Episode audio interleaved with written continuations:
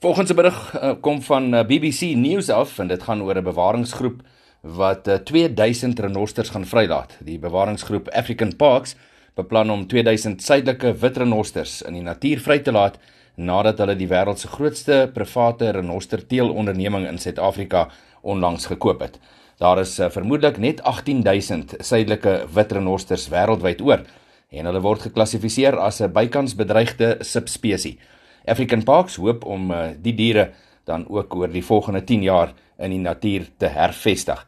Die groep het 'n uh, noodfinansiering verkry om die uh, 7800 hektaar renosterplaas Platinum Rhino in Suid-Afrika se Noordwes provinsie te koop en dit nadat die eienaar John Hume dit in April al reeds uh, te koop aangebied het. Die organisasie sê ook hy beplan om die renosters in veilige, goed bestuurde uh, gebiede te kan vrylaat om hulle dan ook teen stropery te beskerm. Hulle sal ook met befondsingsvennote, regerings en ook ander bewaringsgroepe saamwerk om dan ook te verseker dat dit wel gebeur. Al hierdie nuus soos gesê van BBC News.